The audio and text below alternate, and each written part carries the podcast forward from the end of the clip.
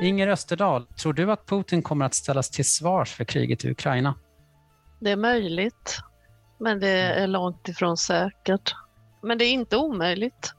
Men det beror mycket på vem som vinner kriget och vem som har intresse av att det verkligen kommer till stånd en rättegång. Det vill säga om det finns tillräckligt stort intresse antingen inne i Ryssland, för där skulle man kunna ställa honom inför rätta, eller på den internationella nivån.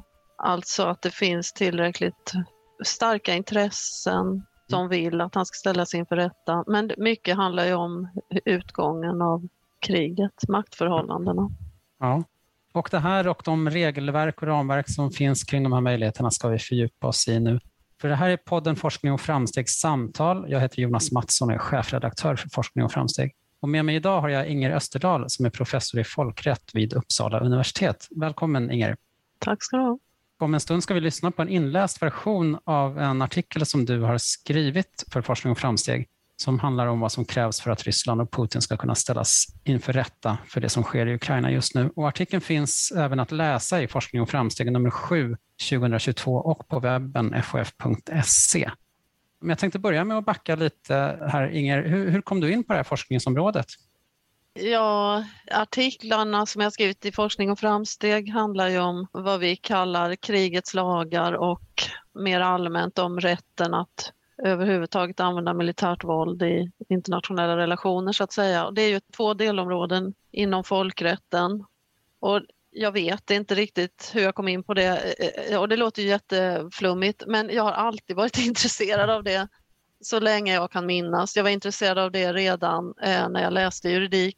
Och varför jag var intresserad av det, framförallt premisserna då på vilka man får, om man får överhuvudtaget använda militärt våld i internationella relationer.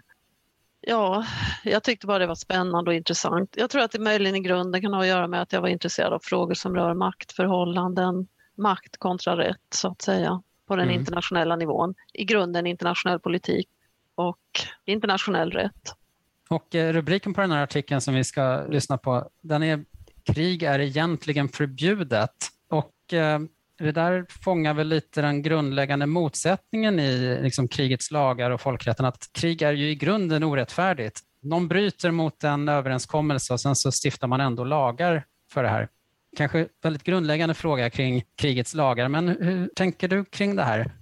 Ja, det är väldigt intressant och, och det, det, liksom är, det är en problemställning som diskuteras hela tiden. Och det är ju så att det är nu i den moderna folkrätten kan man säga, det är efter andra världskrigets slut och efter FN-stadgans skrivande som aggressionskrig är förbjudna i folkrätten. Det fanns en utveckling sedan tidigare i den riktningen och det var väl då efter första världskriget kan man säga att man gjorde ansträngningar på internationell nivå för att få till stånd ett förbud mot aggressionskrig. Men, men det anses åtminstone i princip ha så att säga stadfästs i FN-stadgan och faktum är att FN självt var väldigt ovilligt att diskutera krigets lagar, det vill säga de regler som gäller i krig, när krig väl har startat. FN ville inte själv ta med det att göra från början. Varför ville de inte det då? Varför? Därför att de ansåg att krig ju var förbjudet mm. och därför skulle man inte diskutera krigets lagar inom FN. Röda Korset, de gjorde ju redan det. Mm. Så att säga. Men FN ville inte ha den frågan eftersom krig ju var förbjudet. Och då kan man ju inte diskutera krigets lagar eftersom då diskuterar man ju något som i princip är förbjudet. Det är det ena. Alltså krig är förbjudet i princip enligt FN-stadgan och i den moderna folkrätten. Men sen har man ju haft, sen, åtminstone då sen slutet av 1800-talet har man ju haft regler, först mest med sikte på krigförande, vad som sedermera blev Röda korsrörelsen som dess grundare, Henri Dunant hette han för övrigt. Han hittade sårade och skadade på slagfält i Europa i slutet av 1800-talet och började engagera sig jättehårt i regler som ska gälla för krigföring just. Där har man ju haft en regelmassa som har vuxit i takt med att kriget har utvecklats så att säga, som kommer liksom från ett annat håll som ska så att säga humanisera i den mån det går eller åtminstone balansera de militära kraven mot krav på humanitet. Så där har man mm. haft den regelmassan då, men det, det blir motsägelsefullt och det blir lite problematiskt att hantera. två regelsystem så att säga som i viss mån motsäger varandra. Det är riktigt, men det, det är ett faktum kan man väl säga i den ofullständiga, operfekta värld vi lever i. Nu när vi ändå har de här reglerna då, motsägelsefullt eller inte, vilket är det mest lyckade tillfälle då ansvariga verkligen har ställts till svars för sina krigshandlingar? Har du något sådant historiskt exempel? Det finns inte så många exempel där ansvariga har ställts inför rätta och det finns sannolikt inget exempel som är till fullo lyckat i någon bemärkelse, nämligen att alla ansvariga skulle ha ställts inför rätta eller så. Men jag menar förebilden så att säga för hela den mm. moderna utvecklingen när det gäller den internationella straffrätten då, och att krigsförbrytare ställs till svars, det är ju Nürnbergrättegångarna efter andra världskriget. Mm. Det, det, är lite svårt att säga lyckade, men ordet smakar lite konstigt så att säga i ett sånt här dystert sammanhang. Men de blev av mm. och de genomfördes på ett, liksom ett grundligt sätt. De har varit grundbultar i framväxten av sådana här rättegångar kan man säga.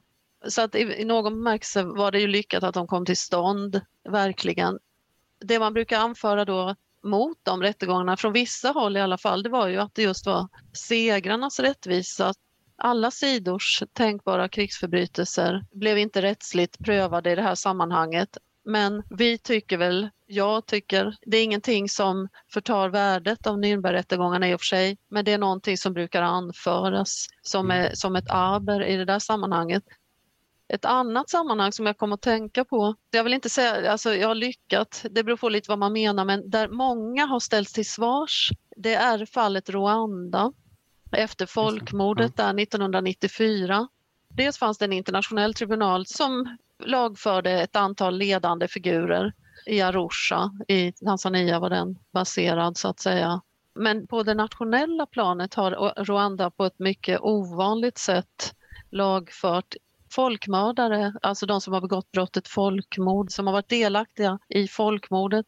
Jag har inga detaljkunskaper tyvärr, men det har nog där, så vitt jag vet, utförts ett förhållandevis och i absoluta tal jättestort antal processer på ett sätt som sällan har gjorts, om ens någonsin, i något land. Kvaliteten på de rättegångarna som har skett enligt lokal modell, de kallas för gachacha, de har skett enligt liksom ett lokalt sedvanerättsligt system för rättskipning så att säga. Kvaliteten, alla möjliga aspekter kring det där känner inte jag till i detalj men när det gäller mängd rättegångar så tror jag att Rwanda möjligen skulle kunna tas fram som ett förhållandevis framgångsrikt exempel. Men, men som sagt, Nürnberg är ju så att säga startpunkten ja, för den här utvecklingen kan man säga. Ja, och du var inne där lite på att det är liksom segraren som skriver historien men även skipar rättvisan då, så att det blir ur segrarens perspektiv. Men fanns det en skillnad mellan Nürnbergrättegången och Rwanda-rättegången även i det perspektivet? Att Nürnbergrättegången var så tydligt de segrande makterna efter andra världskriget som höll i och riktat mot Tyskland då. Men var, var, det annorlunda då i Rwanda menar du? Eller var det... Jag kan inte riktigt svara på det på det lokala planet faktiskt. Där finns väl en risk att tro att det var liksom fanns ett element av segrarnas rättvisa men jag kan inte utvärdera det på ett bra sätt. Däremot i den internationella tribunalen som i det fallet var skapad av FNs säkerhetsråd där kunde man pröva vem som helst och det brukar vara utgångspunkten när FNs säkerhetsråd till exempel skapar tribunaler att alla parter alla tänkbara krigsförbrytare eller folkmördare så att säga, eller deltagare i folkmord och så oavsett vilken sida eller vilken etnisk grupp eller vilken armé så att säga, man har tillhört ska kunna prövas. Det är så att säga utgångspunkten för den humanitära rätten, till exempel krigets lagar och reglerna rörande folkmord och brott mot mänskligheten brukar man mm. tala om också. De gör ingen skillnad om du har startat ett krig eller inte startat ett krig. Alltså där, där tillämpas rätten oberoende av vilken sida du tillhör så att säga. När vi spelar in det här har det ju hänt en del sedan du skrev din artikel som vi ska lyssna på. Det har hittats stora massgravar i Isium och eh, folkomröstningar, så kallade, har planerats mm. på ockuperat område och Putin har beordrat delvis mobilisering. Det är mm. faktiskt när vi spelar in det här så är det samma dag som Putin höll sitt tal där han beordrade den här mobiliseringen. Hur ser du på den här utvecklingen ur ett eh, folkrättsperspektiv och i perspektiv av krigets lagar? Ja, det är ju en otäck utveckling kan man säga i alla avseenden. Och att begås krigsförbrytelser i Ukraina är ju ingen nyhet precis. Och krigsförbrytelser i stor skala. Jag hörde dock någonting lite uppmuntrande i ett reportage på radion, nämligen att det pågår samtidigt väldigt stora internationella ansträngningar för att få till stånd krigsförbrytarrättegångar, inklusive mot Vladimir Putin då, för han är mest avsedd då för att bli lagförd för aggressionsbrottet, det vill säga för att ha startat mm. kriget. Men det var en reporter som noggrant redogjorde för det finns jättemånga organisationer av olika slag, det finns många länder och även på det nationella ukrainska planet pågår det väldigt många utredningar och faktainsamlingar för att samla in bevisning mot eh, misstänkta krigsförbrytare. Det är mörkt men det finns samtidigt tecken på att väldigt mycket görs för att mm. få till stånd krigsförbrytarrättegångar och ju högre upp man kan komma i hierarkierna desto kraftfullare som markering. Det är ju de mest ansvariga som bör straffas. När det gäller folkomröstningarna så det är ju för att planera annekteringar då av ukrainsk territorium. Det är ju helt olagligt, rakt upp och ner bara. Man ockuperar ett område i ett land, man låtsas att man håller en folkomröstning som kommer att sluta med att alla säger ja till att tillhöra Ryssland och sen tar man den biten land. Mm. Det strider så att säga mot FN-stadgans absolut mest grundläggande bud, nämligen förbudet mot aggressionskrig och erövring av nytt territorium med våld. Jag tänkte på det du pratade om att man vill så högt upp i befälskedjan som möjligt. Samtidigt kanske det är lättast att hitta de enskilda soldaterna som har gjort någonting. Hur ser du på det problemet? Ja, det är ju så. Det kan vara liksom ett praktiskt problem och kan vara svårare att få tag på. De är ju mäktigare, mer skyddade, sitter längre bort. De mm. höga ledarna, det implicerar mycket andra åtgärder och överväganden och maktmedel för att överhuvudtaget få tag i dem samtidigt som de är de ytterst ansvariga som man allra helst skulle vilja få fällda då men som sagt, som du säger, det lättaste är ju att ta fotfolket som faktiskt ytterst då utför sakerna på marken och finns där och, och är mycket enklare att fånga upp. Och det är då man ser, det där man mest omedelbart kan samla in bevisning och så. Men förhoppningen är väl att man ska kunna komma högre upp i hierarkierna. Det mm. återstår ju att se, annars blir det ju lite haltande. Mm. Man kan väl kanske säga att vissa krigsförbrytarrättegångar är bättre i det här fallet än inga krigsförbrytarrättegångar men det blir liksom lite otillfredsställande ur rättvisesynpunkt. Hur ser förutsättningarna ut för att faktiskt komma åt eh, Putin och hans närmaste som är ansvariga för det här aggressionskriget? Ja, det beror på hur maktförhållandena ser ut. Det pågår mm. ju planer. Det diskuteras har jag sett i Europarådet och i EU är jag rätt säker på. Det diskuteras att sätta upp en internationell tribunal där man ska kunna då ställa till exempel Putin inför rätta. Och det är ju fullt möjligt att göra men det beror ju på hur kriget slutar och om man de facto kan komma åt, fånga in honom och, och, och sen ställa honom inför rätta. Men det är inte omöjligt viljan tog ju finnas, i västvärlden i alla fall, att ställa Putin inför rätta. Frågan är om världen ser ut så att västvärlden kommer få tag i honom, kan lägga vantarna på honom så att säga. Och det i sin tur beror väl på hur det utvecklar sig, både i kriget men inne i Ryssland också. Jag har svårt att bedöma det måste jag säga. Jag menar, om han skulle tappa makten i Ryssland och andra ryska makthavare skulle vända sig mot honom eller befolkningen mot förmodan, höll jag på att säga, skulle vända sig emot honom, då, då uppstår en annan situation än det gör om han fortfarande har stöd inom landet och, och kan liksom verkningsfullt motsätta sig alla försök att någon skulle liksom gripa honom och ställa honom inför rätta, så att säga. Men det, det är svårt att säga. Det är fullt möjligt och mm. ett starkt intresse finns åtminstone som sagt från västvärldens sida, men huruvida det kommer att ske eller inte, det är väldigt svårt att säga. Skulle de här internationella lagarna kunna utvecklas för att bli ännu bättre enligt dig? Ja, generellt sett kan man säga att det är inte lagar som saknas i många fall utan det är liksom viljan och förmågan att verkligen använda dem och genomdriva dem. Att bara ändra regler, alltså du menar här underförstått kanske om man skulle genom regeländringar kunna underlätta så att säga att mm fånga in krigsförbrytare och åstadkomma fler krigsförbrytarrättegångar. Jag undrar det. Jag tror inte riktigt att det är regeländringar som behövs utan snarare att man verkligen samarbetar och anstränger sig och verkligen tar reglerna på allvar och verkligen försöker genomföra dem i praktiken. Jag tror att det snarare är där problemen ligger faktiskt.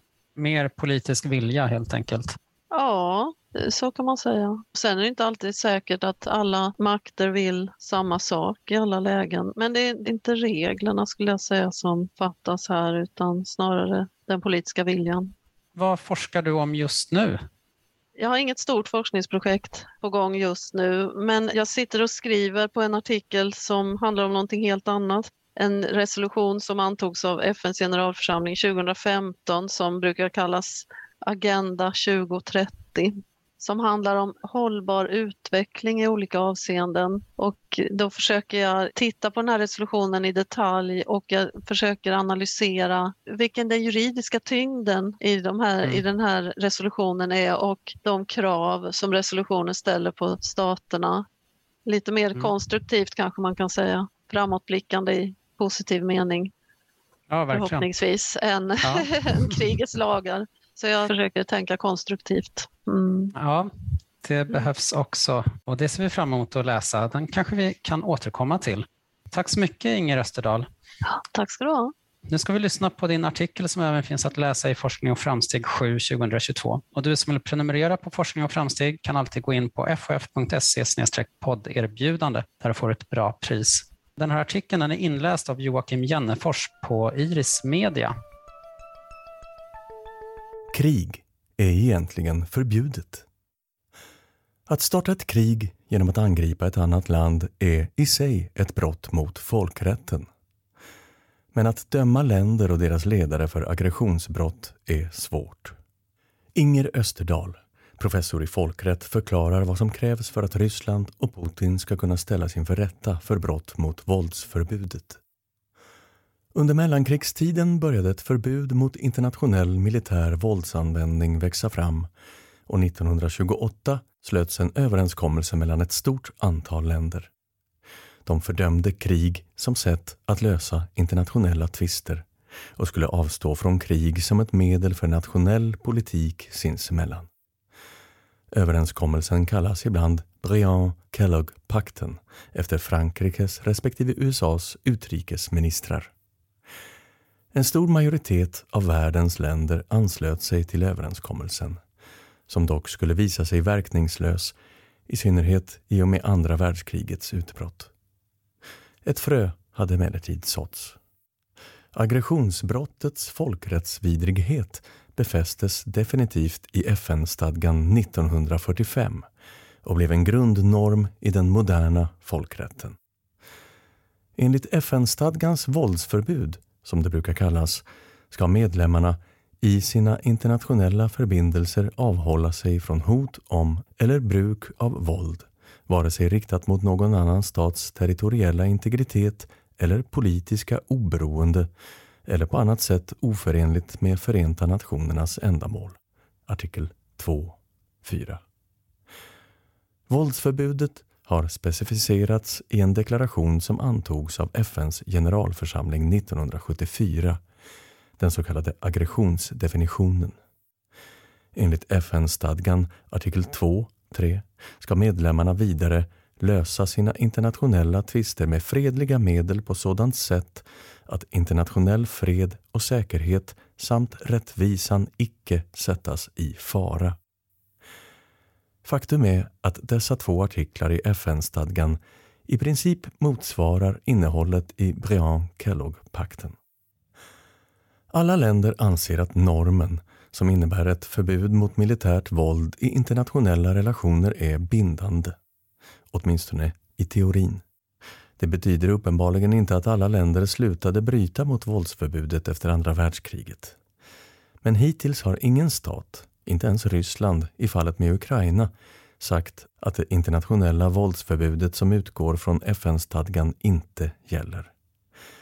Istället försöker stater i förekommande fall, inklusive Ryssland i Ukraina, antingen påstå att det inte handlar om förbjuden internationell militär våldsanvändning eller, vilket är vanligare, anföra olika argument för att rättfärdiga den militära våldsanvändningen. Om en stat bryter mot våldsförbudet genom att inleda ett aggressions eller erövringskrig så kan staten bli skyldig att gottgöra drabbade stater och individer på olika sätt. Krigsskadestånd har tidigare i historien utkrävts av stater som inlett aggressionskrig. Till exempel av Tyskland vid Versaillesfreden efter första världskriget.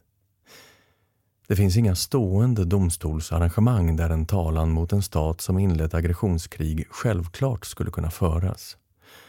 På internationell nivå finns framförallt den internationella domstolen i Haag inrättat inom ramen för FN vid FNs bildande.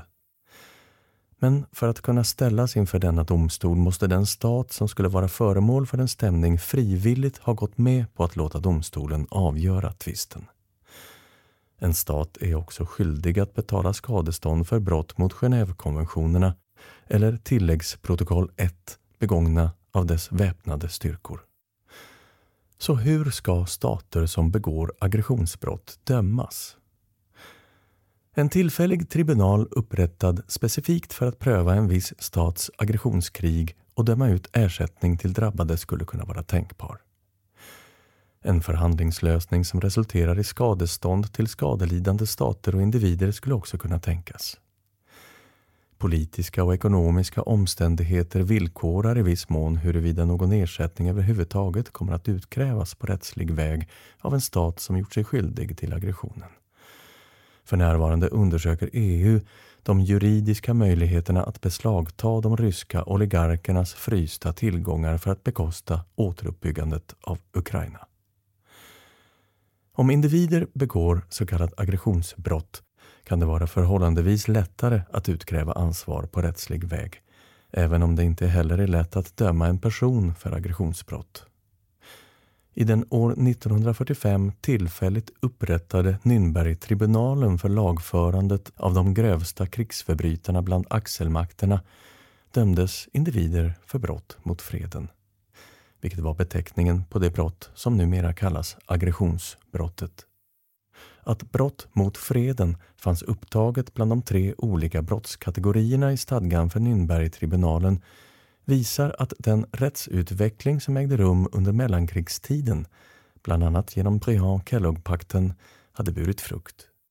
De övriga brott som ingick i Nürnbergtribunalens stadga var krigsförbrytelser och brott mot mänskligheten.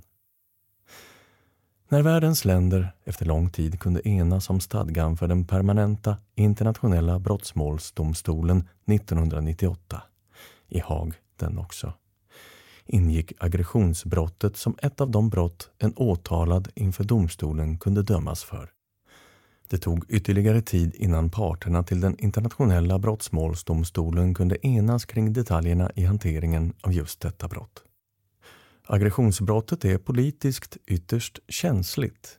År 2010 hade parterna enats och 2018 trädde bestämmelserna om aggressionsbrottet i kraft.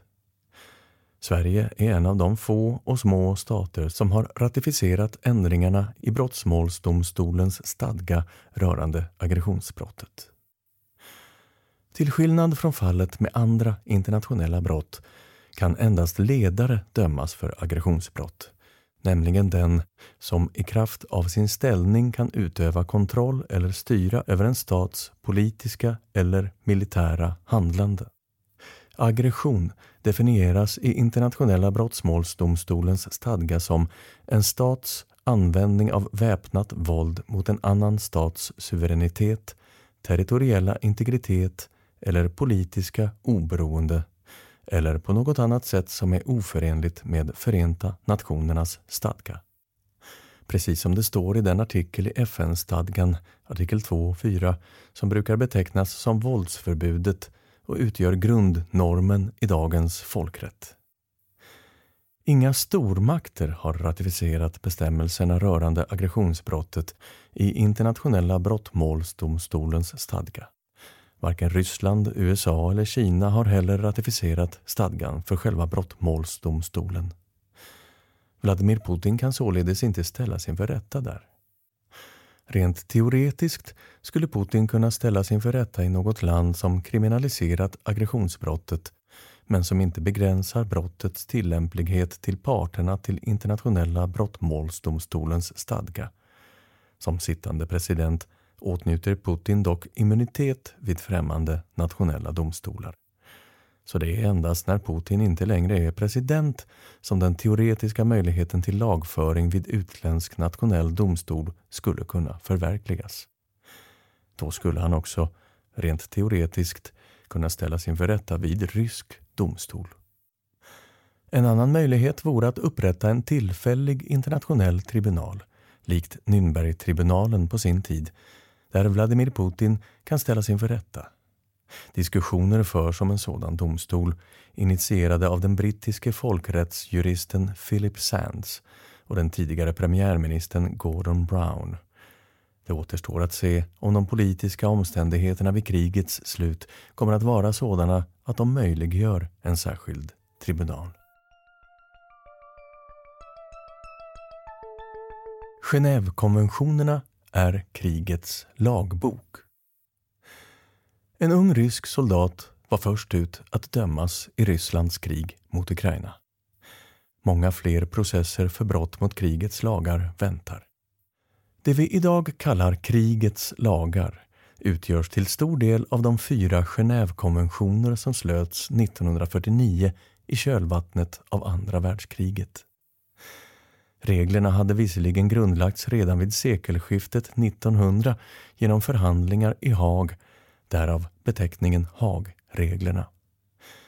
De var i sin tur inspirerade av den så kallade Liber Code från 1863 författad av professorn Franz Lieber och undertecknad av den amerikanska presidenten Abraham Lincoln som instruktion till den federala armén.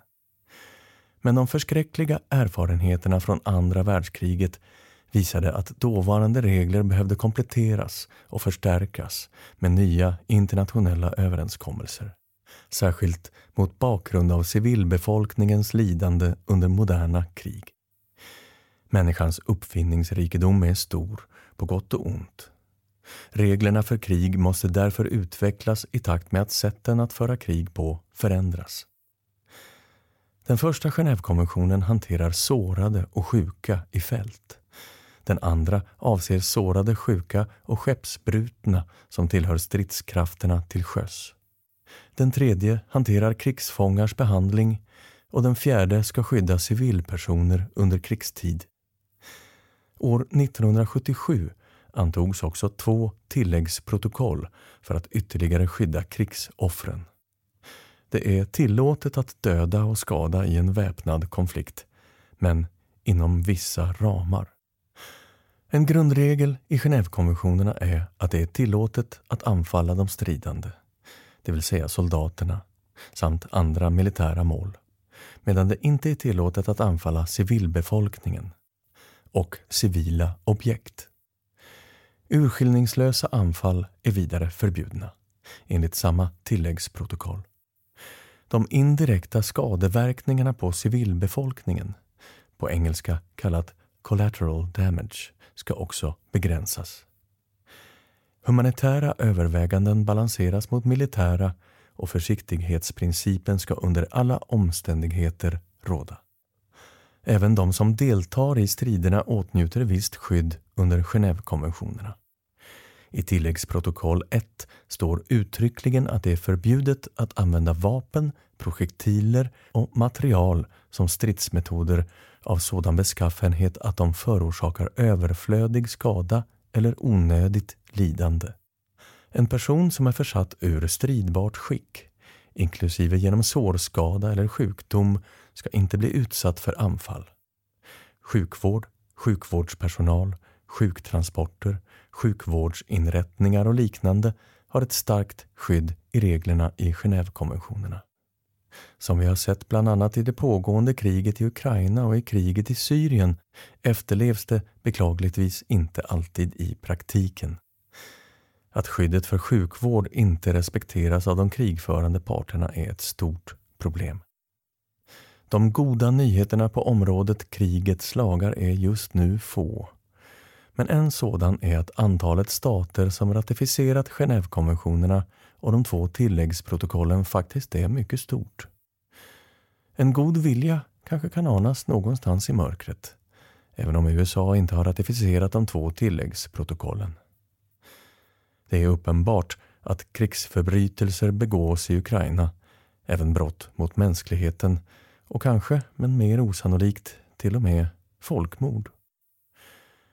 Det är alltid svårt i praktiken att få stater och stridande soldater att respektera krigets lagar och det är alltid svårt att lagföra dem som begår folkrättsbrott. Förutsättningarna för att skipa rättvisa nu är emellertid bättre än tidigare. Bland annat beroende på att så många är engagerade i att samla in dokumentation och bevisning. Förhoppningsvis kommer ansträngningarna att ställa misstänkta folkrättsförbrytare i Ukraina inför rätta att ge resultat.